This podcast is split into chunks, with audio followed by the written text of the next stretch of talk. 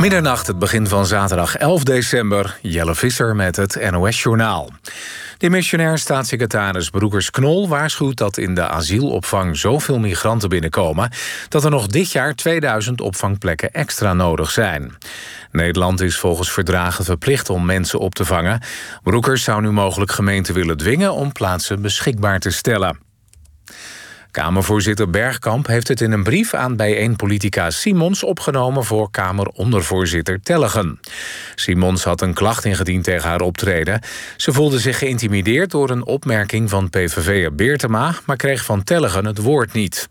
De kwestie liep hoog op toen Simons bleef aandringen. De brief zelf van voorzitter Bergkamp aan Simons is niet openbaar gemaakt. Wereldwijd stoppen steeds meer verpleegkundigen met hun werk vanwege de hoge werkdruk door de coronapandemie. En ook komen er veel burn-outs voor. De internationale koepelorganisatie van verpleegkundigen zegt dat het aantal zorgverleners dat binnen een jaar wil stoppen is verdubbeld tot 20 à 30 procent. Voorafgaand aan de pandemie was er al een tekort van 6 miljoen zorgverleners wereldwijd. Daarbij komt dat er in de nabije toekomst nog eens bijna 5 miljoen mensen afzwaaien omdat ze met pensioen gaan. Vuurwerkverkopers krijgen naast de algemene steunregelingen dit jaar een iets ruimere compensatie voor het vuurwerkverbod dan vorig jaar. Toen kreeg elke ondernemer een bedrag van 3500 euro. Omdat er nu voor het tweede jaar op rij een verbod geldt op het verkopen van consumentenvuurwerk en de sector zich daar niet op heeft kunnen voorbereiden, wordt dat bedrag verhoogd naar 4500 euro. En dan het weer in het zuiden en westen van tijd tot tijd regen. In de Limburgse heuvels natte sneeuw. In het noorden en het oosten van het land opklaringen. Het kwik kan zakken naar min 1 tot min 4 graden. Lokaal kans op mistbanken en kans op gladheid. Morgen is het overwegend droog met wolkenvelden. De zon gaat een beetje schijnen. Het wordt maximaal tussen de 4 en 7 graden. Dit was het NOS Journaal. NPO Radio 1.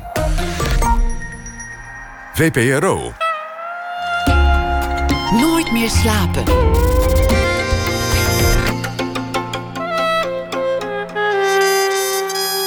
Met Lotje IJzermans.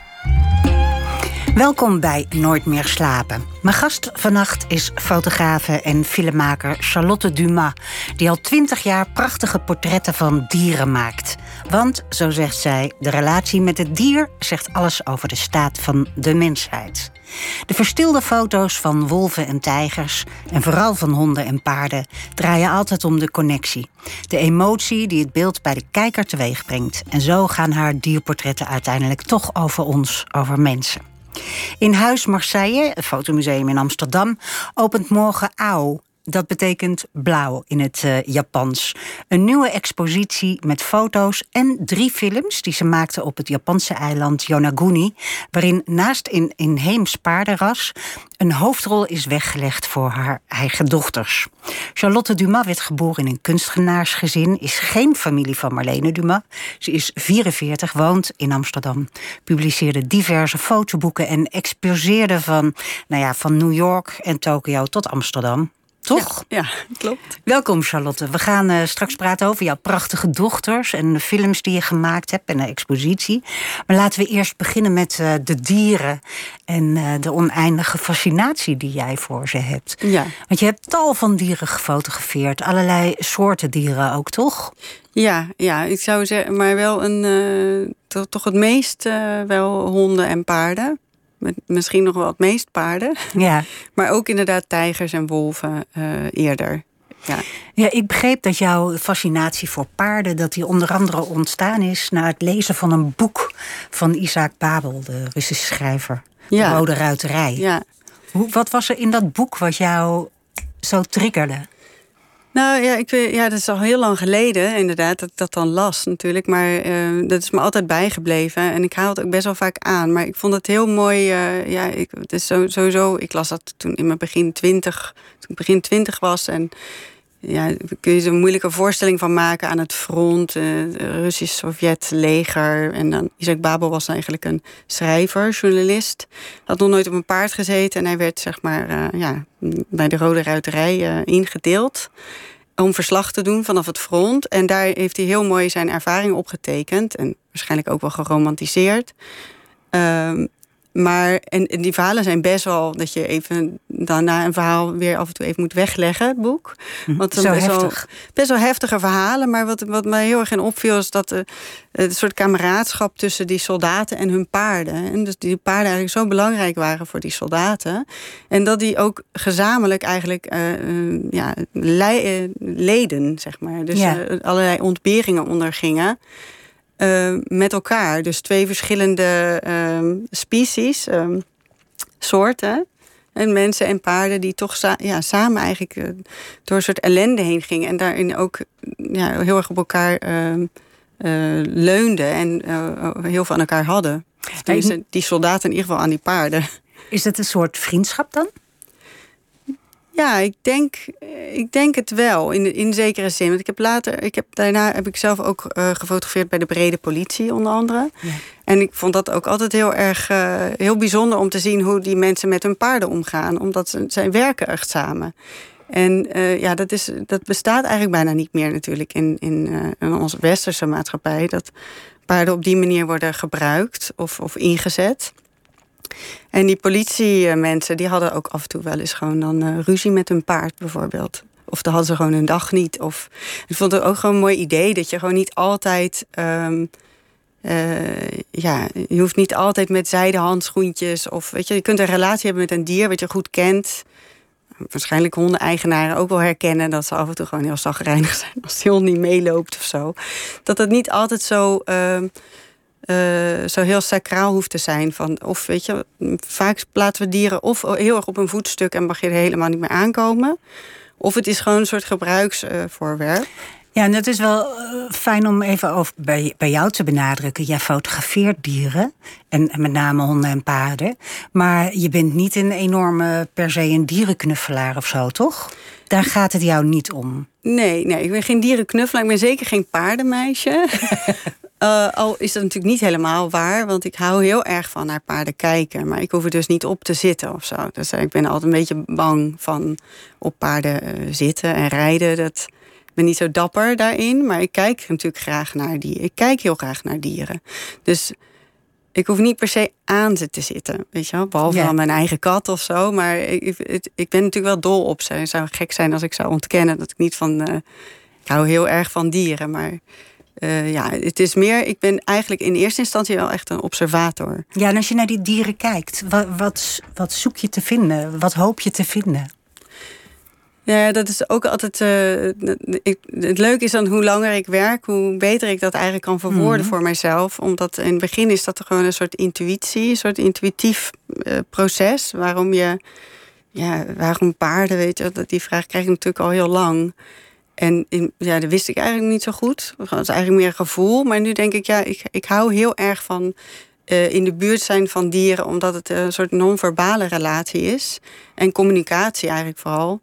Uh, die, waar ik me heel prettig bij voel. Dus ik hou heel erg van de taal, als ik zo mm -hmm. kan zeggen. Van, als je daar goed naar luistert of, of kijkt of aanvoelt, dan zijn dieren heel duidelijk in, in hun communicatie eigenlijk. Uh, in, Kun je daar een voorbeeld van geven?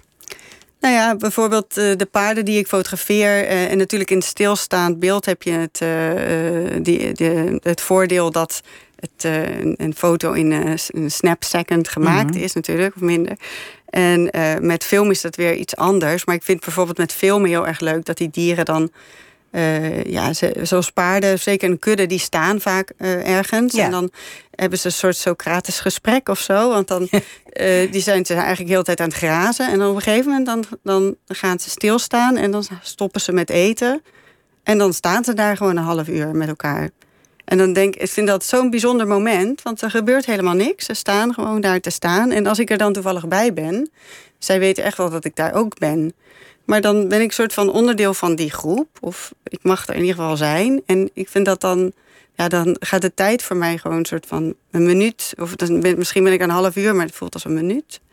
En ik vind dat heel bijzonder, een soort van non-verbaal om bij dieren in de buurt te zijn en dan ja, misschien toch ook een soort van je, je eigen intuïtie aan te zetten of zo. Uh, ja, ja, je komt bij iets heel bazaals bij jezelf Heel bazaal, ja, eigenlijk. Het is eigenlijk heel elementair uh, gevoel... wat, wat je misschien ook gewoon hebt als je, als, als je kind bent. De, de kinderen vertrouwen veel, veel sneller op hun, uh, ja, gewoon hoe ze dingen ervaren of mhm. voelen. En als ze het niet fijn vinden, dan zeggen ze dat gewoon. En hoe ouder je wordt, hoe meer je natuurlijk moet. Uh, ja, ja, een soort van normen en waarden wil houden. En je wil niet dat mensen denken dat. En enzovoort, enzovoort. Je wil voldoen aan de norm en al die dingen. Ja, conditioneringen.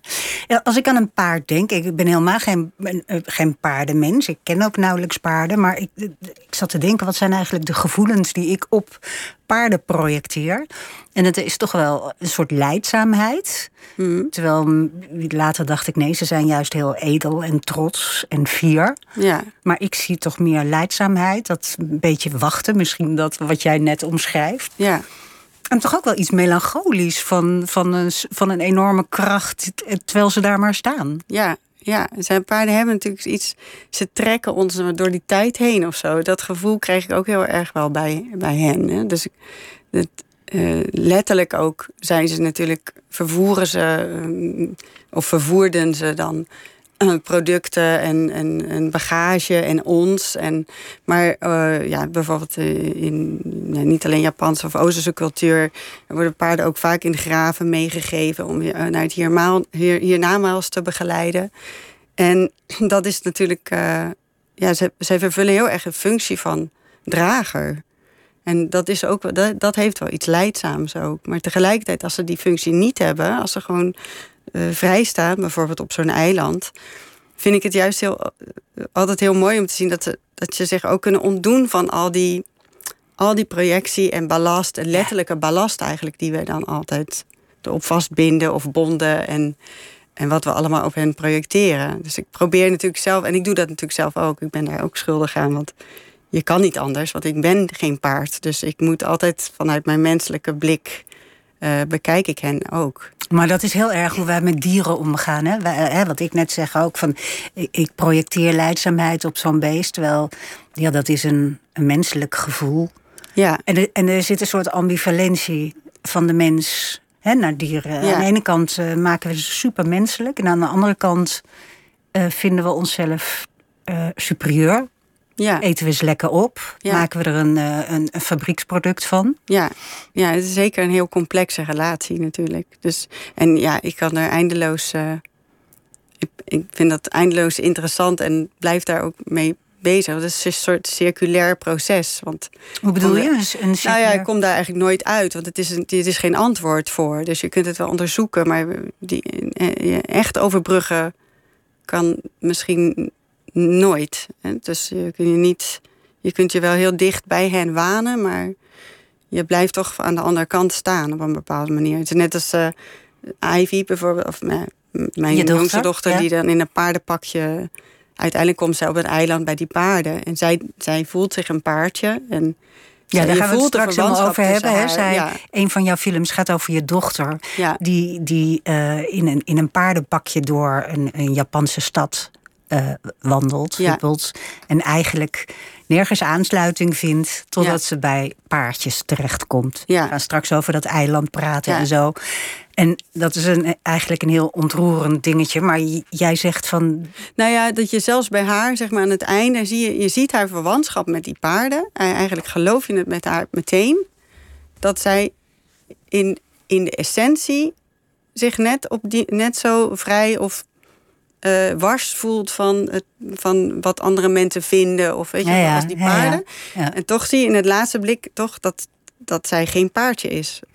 nee. zij, zij, het is een, ja, dat vind ik heel mooi, die nuance, zeg maar. En uh, in, in, in, in principe sowieso de nuance in, uh, in relaties en het leven. Dat, dat komt daar heel erg in tot uiting.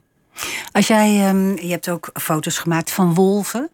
Uh, die zaten in een uh, reservaat. En uh, jij werkt geloof ik niet met een telelens. Hè? Je moet echt dichtbij komen bij die wolven om, om te fotograferen wat, wat ze zijn, wie ze zijn. Ja.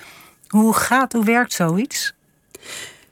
Ja, nou, ja, met de wolf was wel een, dat was wel een project. Daar was ik wel even mee zoet, zeg maar. Want ben ik overal naartoe gegaan. Want dan moet, je, dan moet je wel een plek vinden waar je dichtbij wolven kunt komen.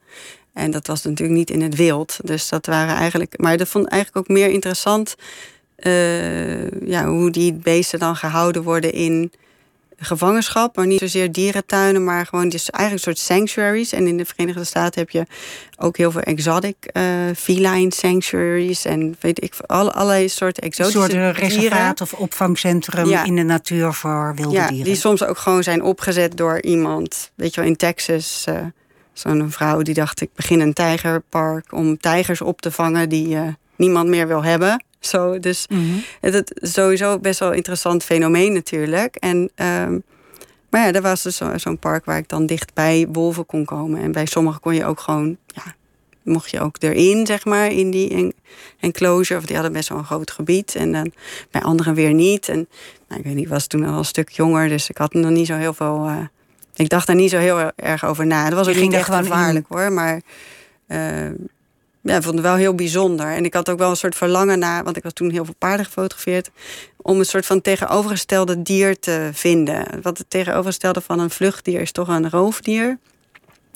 En een wolf is een beetje een soort underdog. En dus ook weer een dier waar, waar, heel veel mythische krachten aan worden toegekend. En tegelijkertijd ook een dier wat heel erg is verketterd en waar is op gejaagd. En uh, bijna niet meer, uh, bijna is uitgestorven in Noord-Amerika. Omdat op een gegeven moment zo ongelooflijk veel uh, op werd, jacht op werd gemaakt. Ja.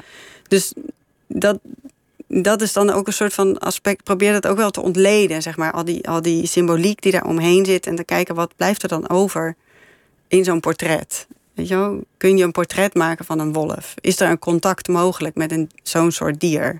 Ja, want uh, als je een portret van, van een mens maakt, dan communiceer je eigenlijk eh, met diegene die je portretteert. Ja. Hoe, hoe doe je dat met een wolf of een paard?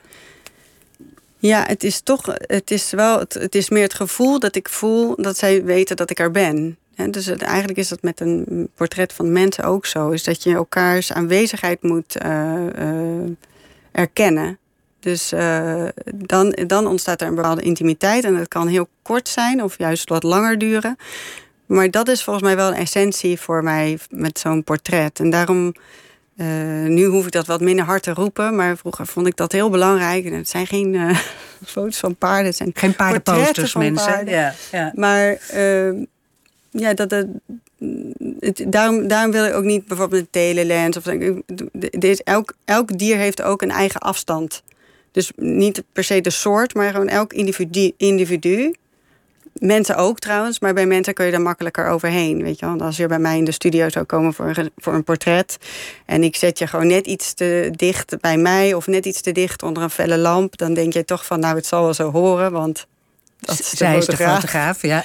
Maar bij dieren werkt dat dus niet zo. Dus die, die, weet je, ik heb ook zwerfhonden gefotografeerd in Palermo en zo. En dan was ik in al mijn enthousiasme, kroop ik wel eens onder zo'n auto. En dan lagen ze uit te slapen. En ze lieten mij dan heel de tijd begaan. En dan op een gegeven moment was het klaar. En dan, zeiden ze, en dan was er gewoon de baas, de alfa of zo, die verzon van... Uh, nu is het, en dan rennen ze met z'n allen achter me aan, weet je wel. Dan jagen ze me gewoon de straat uit. Ik zag ook een foto van jou liggend op de, op de grond in een, inderdaad een hele druk, een straat met allemaal afval. Ja. En daar was je een hond aan het fotograferen, maar jij lag tussen dat afval ja, eigenlijk. Ja, ja. Het zag er niet zo romantisch uit. Nee, ja, ja ik, ik kende op een gegeven moment al die honden in die wijk. En uh, ja, ik vond het heerlijk om te doen. Dat was ook een heel fijn project, want dat had ik al gedaan net na die tijgers. En die tijgers was dan heel. Moest natuurlijk ook al die mensen. Moest ik eerst die mensen vragen: mag ik daar gaan fotograferen? En moest heel veel voorwerk voor doen. En die honden in Palermo die liepen daar gewoon. Dus ik kon gewoon met mijn camera op straat gaan zitten en. Uh, die foto's maken. Je hebt ook heel veel dieren gedaan die, die een functie hebben in het leven van de mens. Hè? Zoals je net zegt, van uh, paarden vervoeren mensen eigenlijk. Of het nou spiritueel of mythologisch is of, of gewoon echt. Ja. Maar zo heb je ook uh, de rescue dogs van 9-11 heb je gefotografeerd. Ja. Um, moest je die, waren die nog eh, in een of andere politieeenheid? Of waren die al verspreid over Amerika weer? Ja, nou het mooie van die rescue dogs is dat ze allemaal hun. Uh, dat zijn allemaal persoonlijke eigenaren. Dat zijn, dat zijn meestal uh, vrijwilligersteams van brandweer, die FEMA-teams. Dus die, die honden zitten allemaal gewoon bij een privé-eigenaar. Uh, anders dan bijvoorbeeld militaire honden. Die zijn echt in dienst van het leger. En als die met pensioen gaan, die, die gaan niet mee zeg maar, met hun trainer of zo. Ja, Deze... die, die, blijven onpersoonlijk blijven. Ja, die blijven echt soort van. Die zijn ook echt, volgens mij ook echt, uh, worden ook echt gezien als een soort. Uh, ja, zo'n wapen of een product van het, van het leger. En deze honden zijn eigenlijk gewoon honden van mensen die op het moment dat een ramp zich voordoet, in de rol gaan van de Emergency Task Force team. En daarom dat was ook heel bijzonder van dat project. Want ja, tien jaar later kon ik, vond ik dan nog vijftien van die honden die nog leefden. En ben ik bij al die mensen thuis op bezoek gegaan. En ik kreeg natuurlijk al iedereen zijn persoonlijke verhaal daarachter, uh, daarbij. Dus ik kreeg veel meer dan waar, waarvoor ik in eerste instantie dacht uh, dat ik aan begonnen was. En, en, en dan nog, eh, die, dan krijg je die verhalen.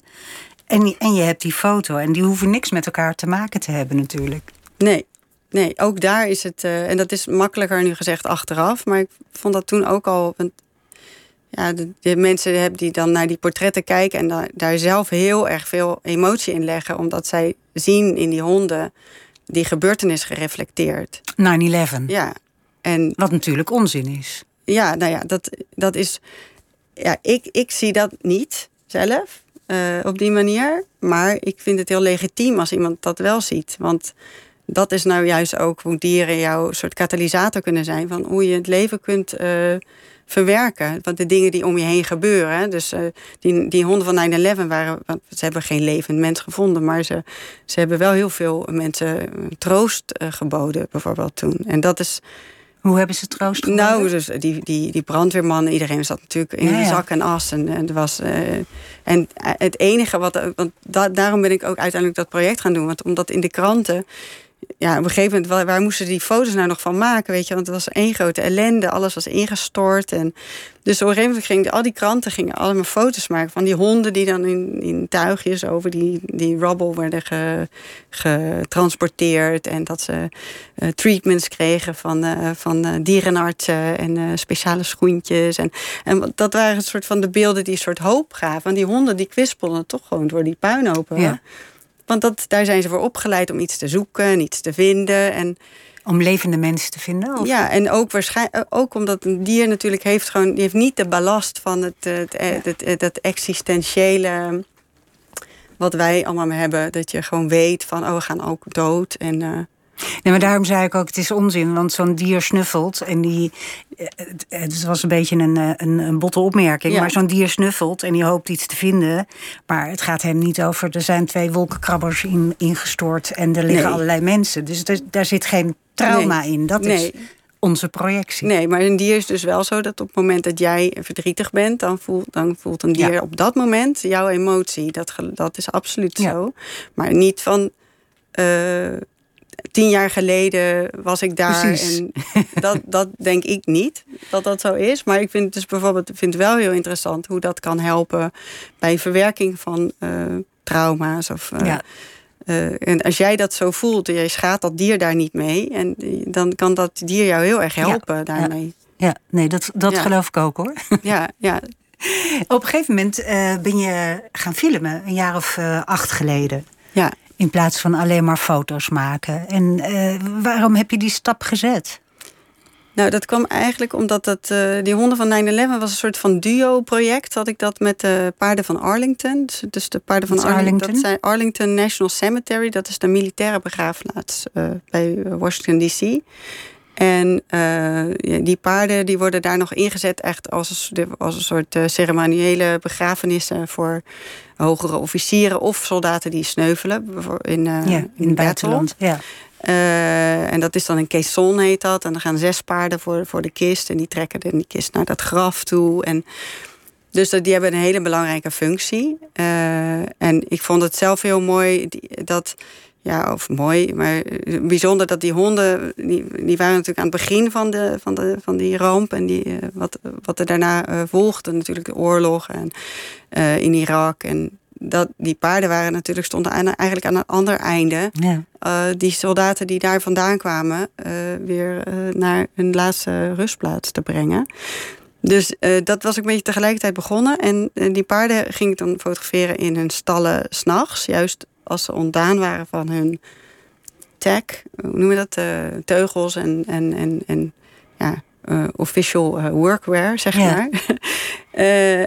en die vielen dan ook in slaap. En hele grote paarden zijn dat, zijn percheronpaarden. En die, die gaan dan ook liggen. En ik vond er heel mooie portretten van gemaakt. Maar op een gegeven moment zat ik daar gewoon hele, hele nachten in die stallen. Zag ik hoe die paarden in slaap vielen. En het is zo mooi om te zien hoe een paar, sowieso mensen of dieren, kinderen in slaap. Hè, want je bent er wel, maar je bent er ook weer niet. Dus ehm, toen dacht ik, ja, dat kan ik eigenlijk ook alleen maar. Dan kan ik het net zo goed gaan filmen. Want dat kan je ook niet vangen in één beeld. Dat is nou precies iets wat, je, wat het gaat over een tijdsverloop. Ja, dat hele langzame wegzakken Ja. en die ontspanning en een, een rillingje even en dan weer nog dieper wegvallen. Ja, Dat hele proces wilde je laten zien. ja, ja. En toen ben ik dat gaan filmen. Dus eh, En was dat voor jou een openbaring als, als eh, fotograaf? Want ik bedoel, ja, jij bent dus helemaal gespitst als fotograaf eh, in, in al je vezels op dat ene moment. ja. En dan staat er opeens gewoon iets te draaien. Ja, ik vond dat heel bijzonder. Ja, want ik dacht ook wel, want wat, wat was echt een, een meerwaarde. Het, voegde echt iets toe wat ik zeg, met stilstaand beeld niet kon. En dat waren natuurlijk eigenlijk gewoon bewegende foto's die ik aan het maken wa- was. En daar ben ik later ook mee doorgegaan. Want je monteerde niet, zeg maar. Het was gewoon één shot. Nou, van... ik heb toen een edit gemaakt van een aantal shots achter elkaar. Dus dat was een soort van eh, volgorde, maar meer zoals je een boek maakt, maar dan met bewegend beeld. Ja. En dat was dan de, de, de eerste, eh, nu zou ik zeggen, videowerk. Eh, stil, ook geen geluid. En later heb ik dat, ben ik dat, eh, eigenlijk ben, ben ik er wel mee doorgegaan. Eh, want ik dacht, ja, toch eh, verschil tussen, ook ook de combinatie tussen stilstaand beeld en bewegend beeld. En wat Ja. dat elkaar kan eh, geven. Dat is ook op, eh, op de expositie hè, die, die morgen open gaat. Ja. Daar zijn foto's te zien en er zijn drie films te zien of video's. Ik weet niet, jij wil het videowerk noemen? Nou nee, nu zou ik dan, deze zou ik dan wel, Wel films films. zeggen. Omdat eh, ja, Gelukkig. zit dan, ja, ja. Laten we, laten we praten over Japan. Want daar ben je naartoe gegaan. Ja. Je bent er naartoe gegaan ook voor een paardenproject. Namelijk voor de paardenrassen die inheems zijn. Hè? Ja, ja dus Japan heeft nog, eh, nou ja, ze, hebben nog acht paardenrassen over. Ja, ik had Japan sowieso niet geassocieerd met paarden. En Nee, ik ook niet. dan de samurai en de, de films van Curaçao of zo.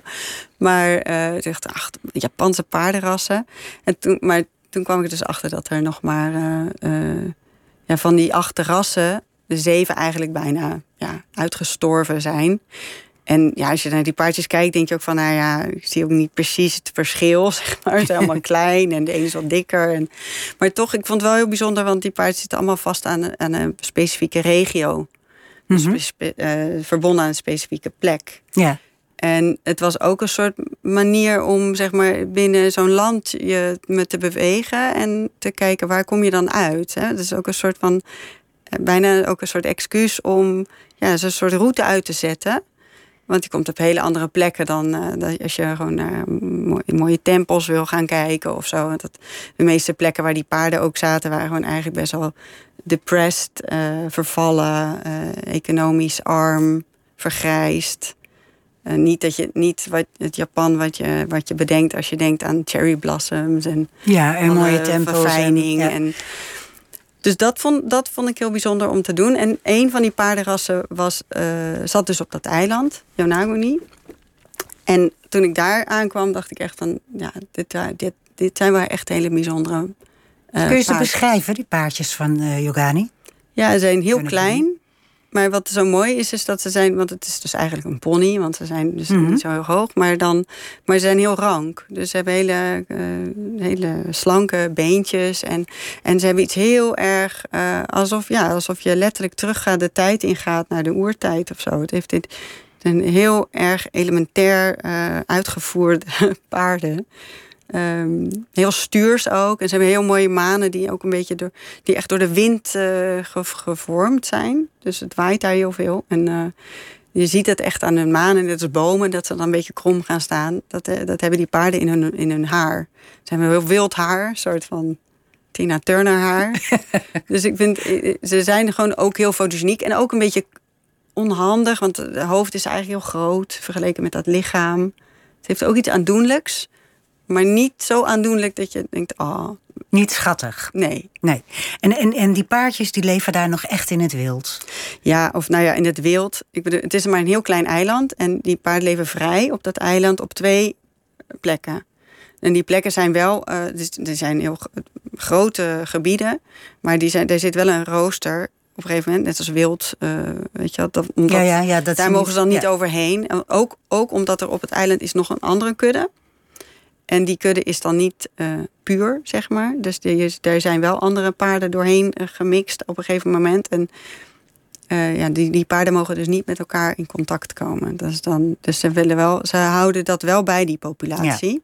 Dat dat, en ze- en ze nemen één keer per jaar bloed af om te kijken of het dan genetisch nog klopt. Helemaal zuiver is. Ja, zuiver. En ook dat het niet ja. te veel inteelt is. Of weet je, wel, Ja. ze proberen dit, dat, dat ras wel een soort van in stand te houden. En, en eh, jij zei daar straks van eh, die, die inheemse paarden komen vooral voor in gebieden die eh, niet zo welvarend zijn. Is dit eiland ook niet welvarend? Nee, ja, Yonaguni is ook best wel een beetje een vergrijsd eiland. Dus, dus niet. niet ja, ze hebben wel een paar dingen. het is een soort van onderwater. Eh, stad, wou ik zeggen, maar eh, een soort monument waarvan niet helemaal duidelijk is of het man-made is of natuurverschijnsel. Dus er zijn wel een aantal dingen daar, maar het is, over het algemeen is het wel een beetje, het voelt hem wel een beetje als een soort uithoek van eh, de wereld of zo. Het is een beetje zo'n eiland waar ook heel veel mensen wonen die die zich hebben ontrokken aan, eh, aan de maatschappij. Of eh, die, die eigenlijk een beetje als kluizenaar daar leven.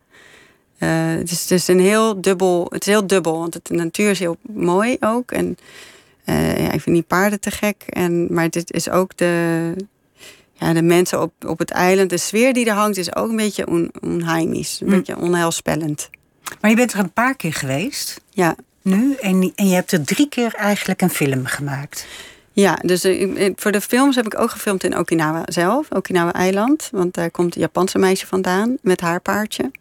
Eh, dus daar heb ik eh, ook een hele community van mensen leren kennen eh, waar ik veel mee heb gewerkt. Onder andere ook de textielontwerpster. die Ja, dat moeten we even Ja. uitleggen, want in jouw werk komt steeds de kleur blauw voor. ja, En de kleur blauwe stof. En eh, die wordt geverfd eh, van, met natuurlijke kleurstof, indigo, vanuit de, de planten die daar groeien. ja, En dat wordt gemaakt door eh, een Japanse ontwerpster en die heet Yuko Kita. ja, En dat komt eigenlijk als een soort thema in alle drie die films voor. ja. Ja, ja, dus ja, in de, voor de eerste film heeft ze eigenlijk voor het paardje. Dus Yuzu is het Japanse meisje. Zij zit zeg maar in film nummer één, als ik het zo, zo even moet zeggen. En ja, dat idee een beetje was ook gewoon dat. eh, dat, eh, dat paardje krijgt op een gegeven moment een soort buikband. En die wordt gemaakt door, door haar. En dit beschermt dat paardje. Dat beschermt zijn buik. Maar het heeft ook zoiets, eh, want stof, eh, een stof, het is gewoon een stoffen lap eigenlijk. Dus die bescherming is meer ook eh, wat je, waar je in gelooft dan de feitelijke bescherming natuurlijk. Het is geen harde, hard harnas. Nee, nee, nee. En eh, nou, dat geeft dat paardje eigenlijk een soort van de kracht. Of misschien het meisje het idee dat dat paardje Dat is een beetje dan mijn, hoe mijn hoofd werkt daarachter. Maar ik vind het een heel mooi idee dat, dat je... Dat een object of iets wat gemaakt is... En waar dan toch eigenlijk ook natuurlijke eh, stoffen in zitten. Dus indigo, maar ook, ook de stof die ze gebruikt. Dat, dat, dat je eigenlijk een stukje kracht ontleent... eh, of leent eigenlijk van natuur... Eh, en daar moet je dan in geloven natuurlijk. Waardoor iets kan veranderen. Dus Ja. eh, een soort talismanachtig eh, iets. Dus in die eerste film is dat die buikband. En in die tweede film is dat dat paardenpak wat dat meisje aan heeft. En in die derde film is het wat meer omvloerst. Maar daar zit het eigenlijk, het blauw eigenlijk alleen nog maar in die schoentjes. Zijn toch eigenlijk paletschoentjes. Ja, eh, het derde meisje. En, en in haar jurkje. Ja, dus het komt steeds terug, dat Ja. blauw, eh, in alle drie die films. De films zijn heel poëtisch. Volgens mij is het niet heel zinvol om precies over die beelden te gaan praten, want je Nee. moet het een beetje ervaren. Eh, maar dat blauw speelt een grote rol. Eh, we zien de zee, Ja, we zien rotsen van het eiland. Prachtig gevormde rotsen. Uh, en we zien die lieve zachte meisjes, een Japans meisje en jouw twee dochters. Ja. Hoe was het om, jou, om jouw dochters te regisseren? Ja, nou ja, eigenlijk uh, ik wil er heel kort over zijn, want die zijn bijna niet te regisseren. En vooral de jongste niet. Ik bedoel, die, eigenlijk uh, net als het Japanse meisje. De film is eigenlijk ontstaan door, net zoals met die paarden, uh, is die film ontstaan door die meisjes zelf. Dus wat, wat ik in hun zie of zag, dat wilde ik eigenlijk laten zien. En uh, dus het was mij meer, zeg maar, ik, ik zou mezelf niet echt een regisseur, uh, als regisseur bestempelen, maar ik creëer mee, meestal de situaties. En waarin ik dan eigenlijk zeg: Oké, hier gaan we nu filmen. Bij wijze van spreken met Ivy, het meisje in het paardenpak. En denk ik, nou, we gaan nu hier filmen. En uh, hier liggen suikerklontjes en die mag je ook zo opeten als je dat wil, weet je wel. En dan laat ik haar, haar, haar, gewoon zichzelf zijn eigenlijk. Of ik ze loopt door de stad en dan ik zorg dat ik altijd ben om haar te filmen. En uh, ik, ik, regisseer in die zin wel dat ik weet waar, waar welke locatie ik uh, dat ga doen. En met Evis, mijn oudste dochter, die dus danst in de derde film, de nieuwste, die, daar heb ik natuurlijk wel wat meer mee afgesproken. Van, die is ook wat ouder. Die is al wat ouder. En ik ben begonnen met haar te filmen in, in Japan, op dat eiland. Toen was ze negen. En uh, nou ja, toen kwam corona. Dus toen was alles werd uitgesteld, uitgesteld, uitgesteld. En uiteindelijk heb ik haar gefilmd. Uh, want ik wilde heel graag haar nog een keer filmen op dat eiland. Uh, met het idee, dan is ze ouder en dan komt ze terug en dan staat ze weer op die klif. En nou, dat ging allemaal niet door. Uiteindelijk heb ik haar gefilmd in Bretagne. Daar gaan we elk jaar naartoe, naar dezelfde plek. En het wat mooie daarvan was dat zij eigenlijk daar ook heel erg in haar elementen is. Dus dat Japanse meisje is heel erg in haar element met dat paardje. En zij kan heel goed met dat paardje overweg. En nou, en is, is, voelt zich fijn als ze danst, maar ze voelt zich ook fijn in dat landschap. En uiteindelijk was dat gewoon een soort van ja, die magie die ik dan eigenlijk zoek of zie in haar, kwam gewoon heel mooi samen. Want zij voelt zich dan heel erg fijn daar. En daardoor kon ze ook gewoon. Ik, ik heb tegen haar gezegd. Uh, je moet gewoon uh, improviseren. Weet je, je danst. Je hoeft niet, het hoeft niet uh, iets te zijn. geen choreografie. En ik heb wel met haar, voordat we gingen, een, twee of drie keer een soort sessie gedaan met een dans, een coach-achtig. Mm zij is, nou ja, zij, zij werkte met, met Eves eigenlijk heel vrij. Veel meer vanuit het theateridee. Van, weet je wel, dat je Je dochter Even zit op de balletschool. Hè? Ze zit de op balletacademie. de balletacademie. Ja, dus daar leren ze heel erg ook, heel, ook, ook trouwens modern en, en werelddans. En, maar vooral ook natuurlijk klassiek. Dus bijvoorbeeld uh, ja, hoe je je beweegt ten opzichte van waar je bent, zeg maar. Als je op zand moet dansen, hoe voelt dat dan? Wat doe je dan, bij wijze van spreken? En uh, ja, dat heeft zij gewoon uh, heel fantastisch gedaan op haar eigen manier. En dan is het weer aan mij om daarna te, zeg maar, met het materiaal zelf aan de slag te gaan. Om dat in de edit weer naar mijn hand te zetten, ja, natuurlijk. Ja. Dus je bent heel trouw aan hun, aan hun eigenlijk. Ja. Aan je dochters. Um, uh, uh, er is nog een ander verhaal. Er is een verhaal op dat eiland van een kloof. Ja.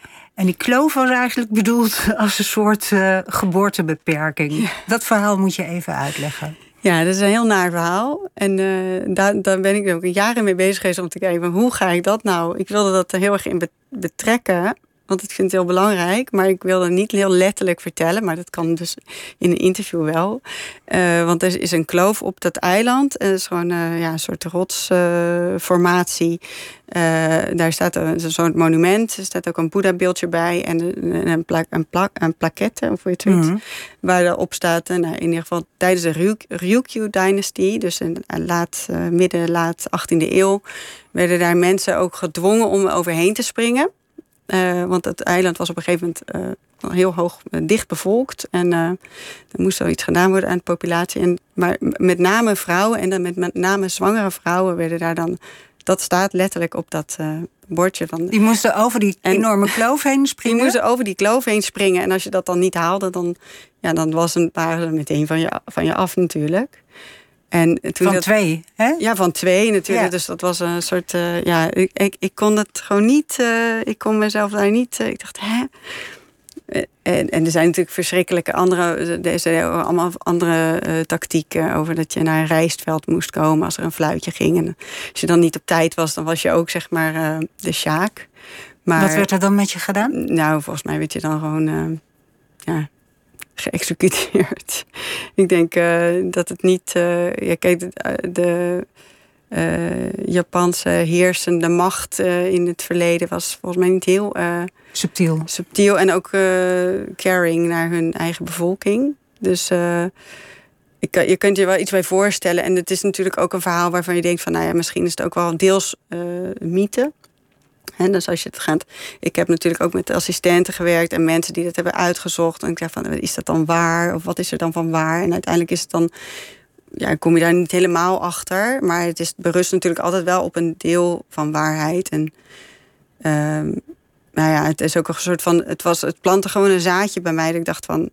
Ja, ik vond het zoiets uh, heftigs. Waarvan ik ook dacht, ja, ik wil eigenlijk gewoon die vrouwen die daar dan overheen moesten springen. Die wil ik eigenlijk gewoon weer een. Uh, ik wil die eigenlijk weer een stem geven. Of iets teruggeven. Dus uh, voor mij was ook heel erg het gevoel van die, die, meisjes, die energie die die meisjes naar dat eiland brengen, dat gaat daar tegenin. Tegen die donkerte en die zwaarte van dat. Uh, van zo'n plek en dat verleden en dat verhaal wat er omheen hangt. En, uh, je wilde dat met terugwerkende kracht opheffen. Ja, ja. Met je eigen dochters. Ja, ja. Die wel geboren zijn. Dus die moesten meteen ook uh, symbool staan voor iets. Ja. En uh, dat is natuurlijk, ja, dat is dan heel grappig, want dan word je heel geconfronteerd met je eigen tekortkoming eigenlijk. Want dan doe ik natuurlijk precies hetzelfde als wat ik eigenlijk altijd probeer af te pellen van mijn onderwerp, dat ze gewoon zichzelf mogen zijn, moesten zij natuurlijk opeens ook ergens voor staan. Voor een bepaalde energie of iets van. Of om dat verleden ongedaan te maken. En, en het mooie was uiteindelijk door het maken, dat hele proces van die films maken.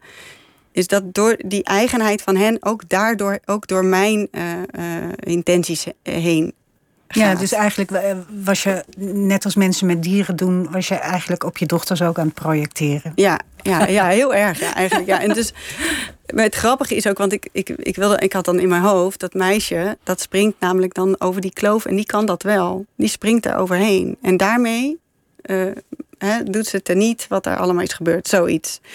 Maar uh, het mooie is dat ik ging dan heel erg nadenken. Want ik, heb natuurlijk niet een of, een of andere Steven Spielberg crew. Of ik dacht, hoe breng ik dat dan in beeld? En uiteindelijk zei ik, nou dan animeer ik het. Dan ga ik het tekenen. En dan springt ze er overheen. En uh, nou, echt alle hoeken heb ik uh, onderzocht. En uiteindelijk kwam ik in de edit achter dat ik zat ik met Diego, mijn editor, Diego Guterres. En uh, met de tekst van uh, Maria Barnas eronder. En ja, toen, gedicht van Maria het, Barnas. Gedicht van Maria. Barnas. En dus er is een shot, dat staat even dus op die, bij die kloof. Nou, het was eng genoeg, zeg maar, om dat te filmen. Ja. Uh, en ze kijkt daar ook daarin. En uiteindelijk loopt ze gewoon weg. En toen dacht ik van ja, dat komt dan in de edit. Was dat gewoon het cadeau. Dat ik dacht, ja, maar ze hoeft natuurlijk ook helemaal niet over die kloof te springen. Nee, dat hoeft niet dat meer. Dat zat in mijn hoofd. Maar dat was natuurlijk ook. En ja. dat, maar, dat vind ik het mooie van nou ja, van, van uh, creëren of van uh, gewoon uh, en samenwerken met mensen, ook met, met haar. Dat, dat het dingen geeft die je zelf niet bedenkt. En dan gaat het eigenlijk pas een beetje de goede kant op. Weet ja. je wel? Dus dan vond het, dat was echt een soort aha-beleving in het editingproces. Dat ik dacht, ja, dat is het natuurlijk. Daarmee is het gewoon eigenlijk gezegd. En zij zij mag ook van het eiland af. En dat is ook mijn eigen, uh, eigenlijk ook wel heel erg mijn eigen uh, wens. Om dat eiland ook, het is ook een soort ballast. Dat hele eiland is ook een beetje mijn ballast, zeg maar, geworden. Je bent er heel erg aan, aan verbonden, maar eh, ook een beetje tegen wil en dank. Ja, dat ik, de, alsof het een soort puzzel was die ik moest oplossen. En, uh, Hoe lang ben je nou met dat eiland bezig geweest, zeg maar? Nou, sinds ik was er voor het eerst in 2015. En ik ben er toch wel een aantal keer geweest. En uh, ja, ik heb ook wel dingen meegemaakt. Uh, mijn eerste aardbeving en uh, tyfoon. En nou ja, we kwamen daar aan, er was er net iemand verdronken. Weet je, er, was elke keer wel iets, ook in het maakproces, dat het gewoon... Dat je dacht, jeetje, weet je wel, het ging nooit van een leien dakje. En dat, dat hoeft natuurlijk ook niet. En dat is ook wel goed. Maar het gaf ook wel verdieping, echt wel ook in het project zelf. Het lijkt me zo gek als je kunstenaar bent dat je dan inderdaad zoiets denkt van. En nu ga ik me bezighouden met 9-11 uh, Rescue Dogs. En dat wordt een gigantisch project, want je moet al die honden naspeuren waar ze wonen en waar ze zijn. En dan moet je dat allemaal gaan zoeken. En nu had je je vastgebeten in de paardjes op een eiland uh, tussen Taiwan en, en Japan in. En heb je tyfonen en aardbevingen doorstaan om foto's te maken. Ja. Het is ook best bizar eigenlijk, toch?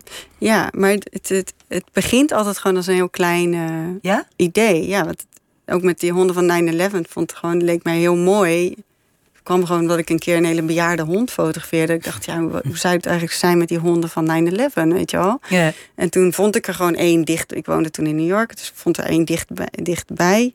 Ik ben daar gewoon naartoe gegaan. Nou, het was eigenlijk wel een mooi portret. Dacht ik, nou, dan moet ik ook wel door. En toen bleek dat ze over heel uh, Amerika verspreid zaten. Ik dacht heel naïef, dat zit allemaal een beetje dus om als- New York heen. Als je kunstenaar kom je met een gedachte. En, Ja. en die gedachte neemt je eigenlijk mee op de loop. En voor je het weet ben je vijf jaar Ja. van je leven verder.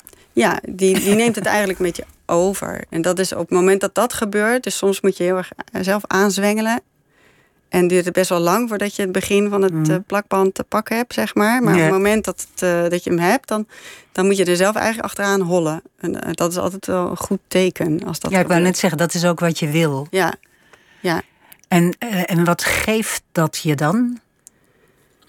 Ja, ook wel, ook wel het niet in controle zijn. Dus ik, ja, ik spreek voor mezelf, maar ik Mhm. denk dat voor veel mensen geldt. Het, toch, zit gewoon in ons om graag controle te hebben. Of in ieder geval niet te verliezen. Weet je wel? Dus we hoeven niet overal controle over te hebben. Maar, maar eigenlijk zijn toch wel, ja, ontstaan heel veel eh, mooie dingen. op het moment dat je niet eh, zelf hebt bedacht dat je daar naartoe gaat. Of dat, je, Ja.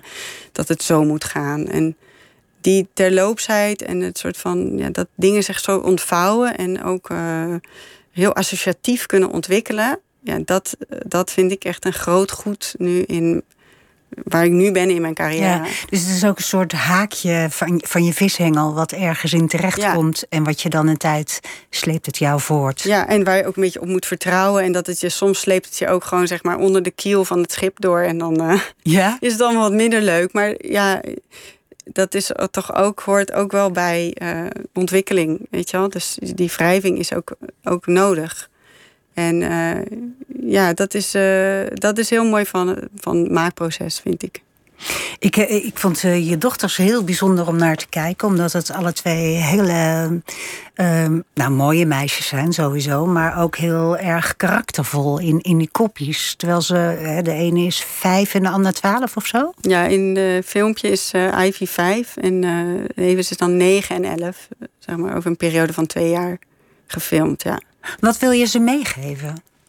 Door ze bij dit soort projecten te betrekken. Ja, nou, eh, dat is natuurlijk ook eh, dat is een vraag ook die ik mezelf natuurlijk ook wel stel. Want het is ook een soort van: ga je dat nou door met je kinderen? Maar dat heb ik niet zozeer.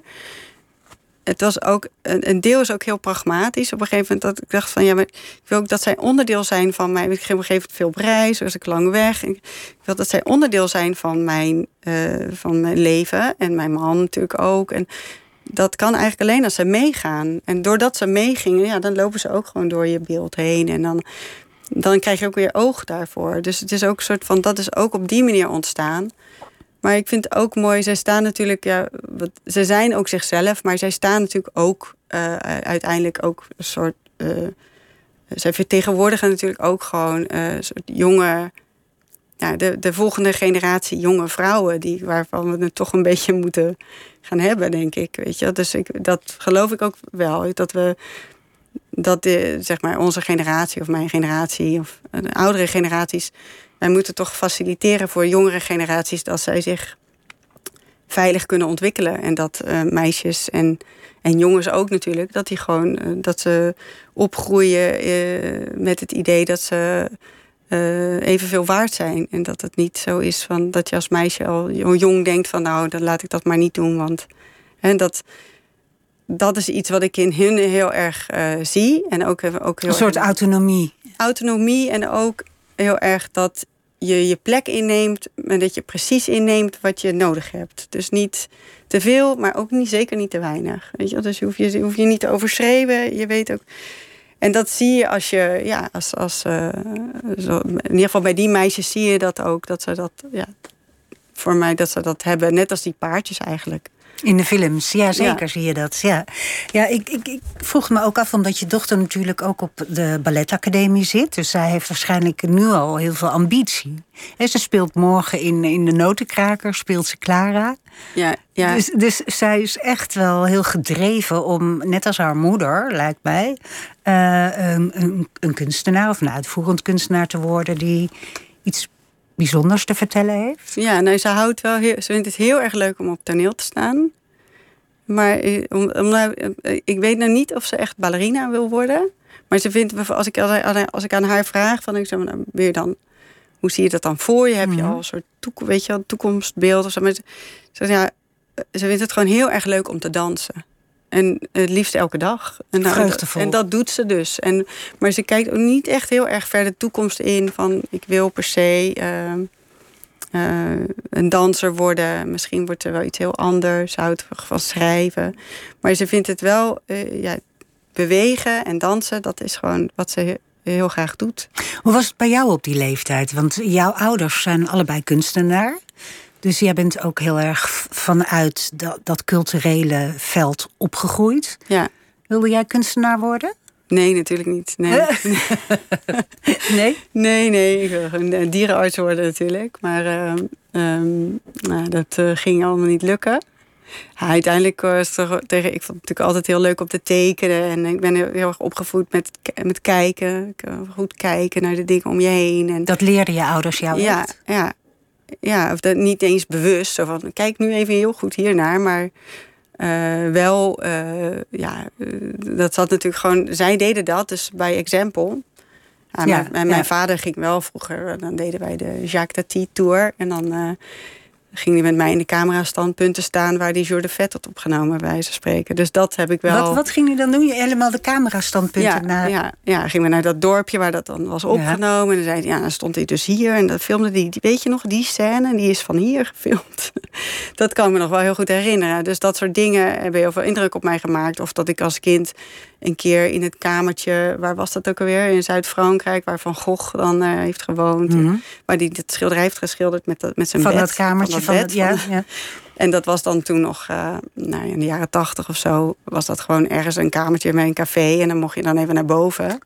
Echt? Nou ja, zo, zo heb ik het onthouden. Hè. Misschien ja. zat het toen al Sowieso achter een hekje verhaal. of zo. Ja. Dat zou ook best kunnen. Maar ik weet wel dat ik dan heel erg dacht van... Oh, deze deurknop heeft Van Gogh ook vastgehouden, weet je al. Nou, überhaupt dat ik dan wist wie Van Gogh was, weet je dat ik dat, ja die, de soort van sensitiviteit of uh, het kijken naar uh, dingen en ook het voelen van verleden van wat andere mensen voor jou hebben gedaan dat zat wel heel erg in mijn. De betekenis van de dingen. Ja, ja. ja dat heb ik wel van huis uit meegekregen. Want wat voor werk maakte je vader? Mijn vader maakte grote uh, ja, watercolors, uh, aquarellen. Aquarel? Maar eigenlijk alleen van heel fotorealistisch, van gevels. Mm -hmm. Hele leven lang gevels geschilderd. Soort van, de façade van de, de façades, ja. Oké. Okay. Maar heel gedetailleerd. Dat als je het ziet, dan denk je echt van, hè, is dat uh, geschilderd? Weet je wel, zo Heel, het is ook heel knap, want uh, ja, aquarel is heel unforgiving. Het kan, ja. als je het één keer verkeerd doet, dan is het gewoon, je kan er niet meer overheen. Dus uh, daar heeft hij zich echt heel erg op toegelegd. Daar was hij heel erg goed in. En uh, heeft hij, ja, was heel regionaal bekend. En heeft nooit echt de ambitie gehad om. ja, daarin, had, daarin was hij zeg maar niet. Dat had hij niet. Ja, om, om zichzelf zeg maar op de voorgrond te plaatsen. Mm -hmm. of, dus letterlijk een beetje achter de gevel. Ja, ja. maar uh, ja, dus hij schilderde, hij schilderde, maar ook wel heel vaak gewoon uh, en plein air. Dus, uh... en, en, heeft hij jou heel veel geboden, zeg maar, in um, hoe hij op, op jouw kunst reageerde? Heb je veel geleerd van hem? Simpelere manier ja. om te vragen. Ja, ja, van beide mijn ouders. Maar ook ja, zeker ook wel van mijn, ja, zeker van mijn vader. Ik, had, ik was vroeger veel met hem. En ik uh, denk wel dat we van dezelfde dingen hielden ook. Weet je wel, van... Uh, uh, ja, ook zo films inderdaad, als Jacques Tati of Buster Keaton of W.C. Fields of zo. Dat vond, vond ik ook allemaal heel leuk, weet je wel. Dus En, en, ja, en het kijken. En ik weet wel dat. eh, ik, ik ben toen ooit de politiepaarden gaan fotograferen. Ehm, en toen eh, ging mijn vader een keer mee. Ik weet eigenlijk niet meer precies waarom. Waarschijnlijk omdat hij me dan ging brengen of zo. En eh, dan ging ik die, die paarden fotograferen. En dan lieten die politiemensen die paarden voor mij los in de bak. En die vonden dat helemaal te gek. Dus die gingen dan al bokken en springen en zo. En dan zat mijn vader daar eh, met een schetsboekje dat te tekenen, bij wijze- voor- bijvoorbeeld. Weet je wel. Dus hij ging dan met mij ook mee. En dan vroeger nam hij mij mee naar de dierentuin om daar de olifanten te tekenen. En dus hij was wel heel ondersteunend. Ja, ja. ja. Je hebt ook eh, samen met je vader en je moeder een keer geëxposeerd in Vlaardingen, toch? Ja, ja. ja dat was nog niet. Ja, in mijn, in mijn eh, puberteit. Ja. Volgens mij was ik 16 of zo. Oh ja, ik ook dacht, dacht dat het eh, korter geleden was. Nee, nee, oh ja, nee, ik was volgens mij nog, ja, wel onder de 20. Ja. Maar ja, dat was. En nu is je vader, eh, eh, heeft Alzheimer. ja. Dus hij is, is, is hij nog wel eh, bereikbaar, zeg maar? Ja en nee. Ik bedoel, hij is niet meer in de, in de conventionele zin, zeg maar. Maar dus als ik hem zie, heb ik niet het idee dat hij nog weet dat ik zijn dochter ben. Maar ik weet wel dat hij, hij voelt wel dat ik vertrouwd ben. En dat is eigenlijk genoeg. En eh, ja, mijn vader is eigenlijk een hele zeldzame Alzheimer-patiënt, denk ik. Eh, of, want, eh, of als ik, als ik het huis ook moet geloven waar hij zit. Omdat hij is heel, hij is heel tevreden. Dus hij heeft, Oh. hij heeft, eh, dat, dat was hij eigenlijk altijd. Een heel zachtmoedig iemand. En dat is hij eigenlijk nog steeds. En hij kan nog steeds heel erg. Hij kijkt nog steeds heel erg om zich heen. Dus hij ziet altijd wolken. Of als er een vliegtuig overgaat. Of vogels. Hij luistert heel erg. En daar is hij heel tevreden mee. En hij kan eigenlijk bijna niet meer praten. Maar hij heeft dus nu de mondharmonica van mijn opa. eh, heeft hij nu altijd in zijn zak zitten. En daar speelt hij dan op. En dat heeft hij nooit gedaan in zijn leven. Maar nu communiceert hij eigenlijk via eh, die mondharmonica. En ik speelt hij de prachtigste deuntjes. En dan weet je gewoon dat het goed zit of zo. Dus het is, eh, het is altijd heel fijn om hem te zien, nog steeds. Dus eigenlijk dat eh, woordloos communiceren, wat jij Ja. in twintig jaar met allerlei dieren hebt gedaan, Ja, kun je nu toepassen op contact met je vader. ja, ja. Zonder ja, woorden eh, samen zijn. ja, ja. Je bent ook een film over hem aan het maken, of je bent zijn, zijn proces aan het filmen? Ja, nou ja, dat is een, een groot eh, gezegd hoor. Want ik, ga, ik, ik film gewoon met mijn eh, iPhone eh, eh, hem elke keer een stukje als ik er ben. Ja, het medium maakt natuurlijk niet nee, maar uit. het is niet van. Dat ik, dus again, weet je, dat is niet iets wat ik dan. Dan gaat dat eerst even op, op schrift zetten. En, Nee. eh, maar het is wel doordat ik zo, eh, doordat ik ben gaan filmen en ook doordat ik ben gaan samenwerken, bijvoorbeeld met de editor, met Diego. En dan wil ik ook wel anders gaan denken. Dus eh, vroeger maakte ik eerst beeld, dan ging ik daarna bedenken wat ik er dan mee kon bouwen. Maar nu kijk ik ook, begin ik ook al zo te denken als ik ga eh, filmen. Dan denk je, oh, dit is misschien eigenlijk best wel mooi ehm, gegeven om. Om mijn vader in ieder geval, net zoals toen met die paarden, nou, laat ik het nou maar gewoon filmen. Want misschien kan ik er later nog iets mee. En eh, misschien is het alleen voor mezelf. Misschien maak ik een soort mini-documentaire. Gewoon voor, voor ons, voor mijn gezin en mijn moeder. Of eh, maar misschien wordt het iets meer. Of misschien is het begin van iets anders. Dus ik vond laatst, mijn moeder stuurde mij een eh, heel lief fragment van dat ik twee was. En dat ik met mijn vader Sinterklaasliedjes zing. Natuurlijk heel schattig. Zachtjes gaande paardenvoetjes. Nou, Mm. dat is natuurlijk nu heel veel betekenend voor mij. En, dan, en, dan, en dat geduld waarin mijn vader dan elke keer opnieuw... en dat liedje en dan nog een keer en dan nog een keer. Dat vind ik heel mooi om... eh, dus, dus dan in mijn hoofd maak ik meteen een soort klik. denk ik, ja, het is eigenlijk... dat zo'n audiofragment kan ook een opzet zijn naar iets. Is het ook veiliger om door je camera naar hem te kijken... dan om zonder camera te ervaren hoe weg die al voor een deel is? Nee, nee, nee. Dat, dat heeft ook te maken trouwens met dat... tegenwoordig met iPhones kijk je eigenlijk nergens meer doorheen. Dat hou je een beetje zo waar. gek voor je Ja. hoofd. Maar ehm, nee, maar ik, heb- ik heb niet het idee dat er iets tussen mij eh, moet zitten met hem. Het Nee. is heel... eh, ik vind het ook niet pijnlijk of zo. Het is, dat is het misschien wel geweest, of- maar dat heb ik helemaal niet nu. Het is, voelt heel erg... Het is eigenlijk heel erg kijken naar hoe je kijkt naar je kind van eh één of twee. Ja. Daar waar je eigenlijk heel van kan genieten dat ze nog helemaal niks kunnen zeggen. Of dat, ze, weet je, dat, dat het zo leuk is, omdat je zelf dan ook niet meer heel veel woorden gaat gebruiken. Want het, waarom zou je dat allemaal uitleggen? Want het is eigenlijk helemaal niet nodig. Dankjewel voor, uh, voor, voor dit gesprek. Charlotte Dumas. De expositie AO is een uh, Huis Marseille fotografiemuseum aan de Keizersgracht in Amsterdam. Tot half maart vanaf morgen. Maandag is Pieter er weer. Straks op deze zender uh, Vink, de podcastgids. NPO Radio 1. Wie luistert, weet meer. NPO Radio 1.